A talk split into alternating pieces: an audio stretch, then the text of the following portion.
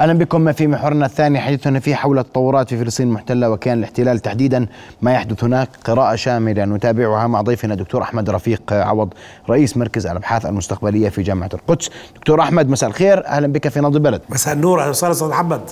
أهلا بك رؤيا بودكاست. دكتور أحمد آه، آه، سابدا من من من التطورات الأخيرة.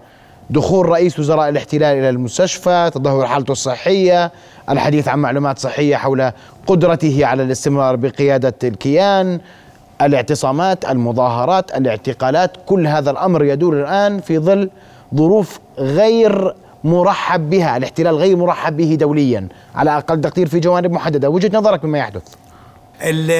صحة نتنياهو لن تلعب دورا كبيرا في تغيير المسيرة التي تذهب بها إسرائيل التي يحكمها ائتلاف ائتلاف متطرف حاخامي توراتي قومي متطرف جدا جدا.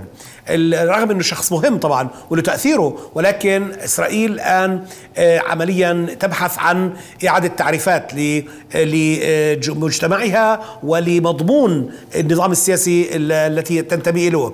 لذلك آه، برأيي إنه حضور نتنياهو أو غيابه قد يؤثر قليلا في الاندفاع ولكن لن يؤثر في المسيرة على الإطلاق. المجتمع الإسرائيلي منقسم حقا على نفسه. هناك من يريد أن يختطف المجتمع والدولة إلى صفه بحيث أنه يعني آه، يضعف آه، السلطة القضائية آه، ويحتكر الحكم لأنه هذه القوى قوى الائتلاف الآن هي لا تريد فقط أن تغير ما تسميه المعقولية. شو المعقولية؟ يعني إنه تمنع المحكمة العليا أن تتدخل في الرقابة على ما يفعله الوزراء من تعيينات أو من سياسات أو من موازنات إلى آخره بحجة إنه قد يكون قراراتهم تعارض القانون الأساسي. لأنه فيش عندهم دستور. هؤلاء الناس أقصد الحكومة الائتلاف الحالي تريد أن تقول للمحكمة العليا إنه أنتم مش منتخبين أنتم معينين إحنا منتخبين وبالتالي نحن نستطيع أن نفعل ما نريد. ثانيا أنتم معينين وإحنا بدنا نعينكم مش أنتم تعينونا ولا تصيروا رقابة علينا. اذا مش بس هيك مش بس هيك. هاي الحكومة تريد أن تحقق أيضا أو تفرض 180 قرار جديد أو مشروع قرار جديد في إسرائيل بحيث إنه تبقى هذه القوى تحكم إلى الأبد. وبالتالي عمليا المعارضة عندما تتهم الائتلاف بأنه يقود النظام السياسي الإسرائيلي إلى الدكتاتورية هذا حقيقي جدا. يجب أن نقول مسألة مهمة. عندما نقول تعديل القضاء هم بدهم يغيروا القضاء. أقصد الائتلاف الحكومي المتطرف يريد أن يغير القضاء. بالنسبة لنا كفلسطينيين محتلين هذا قضاء مجرم. هذا قضاء المحكمة العليا أقصد. هذه تأخذ منا الأراضي تاخذ تقرر بشكل عنصري إلى آخره. وبالتالي عندما نقول تعديل القضاء يعني قضاءهم بما يخدم آه، مصلحاتهم هم. بالنسبة لنا نحن خارج الصورة تماما. خارج النقاش إحنا. إحنا حتى الخلافات اللي بينهم إحنا خارج النقاش. علينا وحدة وحدة السيطرة إنه فيش دولة فيش عودة فيش قدس إلى آخره. عودة للخلاف اللي بينهم. الخلاف اللي بينهم خلاف على فكرة أنه دولة إسرائيل هي حاخامية توراتية ولا ليبرالية حديثة. فكرة الخلاف اللي بينهم هو على توزيع الثروات توزيع المناصب آه، شكل الحياة اليومية آه، شكل العلاقات مع العالم. هل تنعزل إسرائيل ولا تنفتح؟ هذا جزء نقاش مهم جدا ولهذا السبب تتدخل أمريكا بهذه القوة وهذه الفظاظة والتي تطلب من نتنياهو أن يتوقف عن فكرة هذه التعديلات أو أن يقوم بها بالاتفاق مع المعارضة.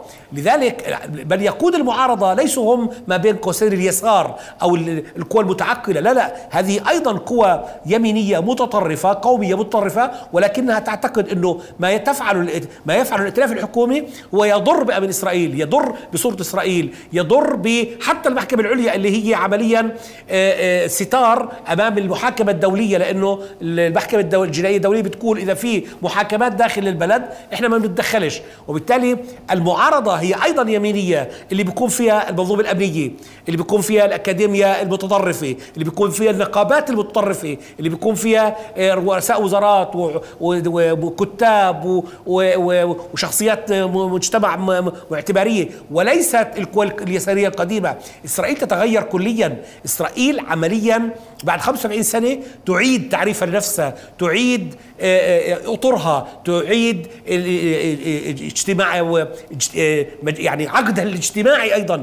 المعارضة تطلب الدستور على فكرة الائتلاف الحكومي يرفض الدستور لأن الدستور يحدد حدود ويحدد الجنسيات. الاحتلال يرفض أن يكون هناك دستور لأنه بيطلب منه حدود وبيطلب منه تعريف الأهلية ومن هم اللي هم يخضعوا لهذا الدستور. لكن دكتور هذا هذا الاحتقان هذا الاحتقان والخلاف وعدم الانسجام كان سابقا سحب المشروع يعود المشروع. هل سيمر؟ هل ستمر سيمر. أعتقد إنه سيمر. أعتقد أنه سيمر لماذا؟ باختصار شديد لأنه أول هذه حكومة مستقرة عندها 64 صوت في آه، كنيست هو 120 فمعها آه، معها يعني إجماع في 64 صوت. اثنين وهذا الأهم عندها جمهور نص الجمهور الإسرائيلي معها. الأكثر أهمية الجمهوريين الامريكان معها. إذا بدك أمريكا معها الكونغرس الأمريكي قبل عدة أيام قرر إنه هذه ليست حكومة عنصرية ومن ينتقدها ينتقد السامية لخ لخ لخ وبالتالي عمليا هذه الحكومة الفاشية هي عمليا تتوافق مع فاشيات أخرى غربية وأمريكية أيضا. وبالتالي أعتقد إنه هذه الحكومة تستطيع أن تمتص وأن تحتوي المظاهرات المعارضة وقد يكون هناك سيناريوهات أخرى باختصار جدا إنه لأنه في الآن صار شارع مقابل شارع. المعارضة بتنزل شارع مظاهرات وهو ضرب هذه المظاهرات هل يمكن أن يكون هناك حرب أخوة؟ هل يكون هناك نقطة حسم؟ هل تكون المنظومة الأمنية تأخذ قرار مختلف؟ ممكن. ولكن أنا بعتقد أنه زي ما قلت حضرتك أستاذ محمد في لحظة تأزيم الإسرائيل بعد 75 سنة كما قلت تعيد تعرف نفسها. من هي؟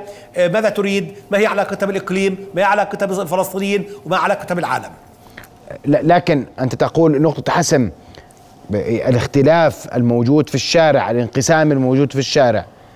وتتحدث عن منظومة أمنية. هل يمكن للمنظومة الأمنية في هذا الكيان أن تتدخل وتوقف مشروع القانون إذا ما وجدت أن الشارع سيصطدم بعضه ببعض؟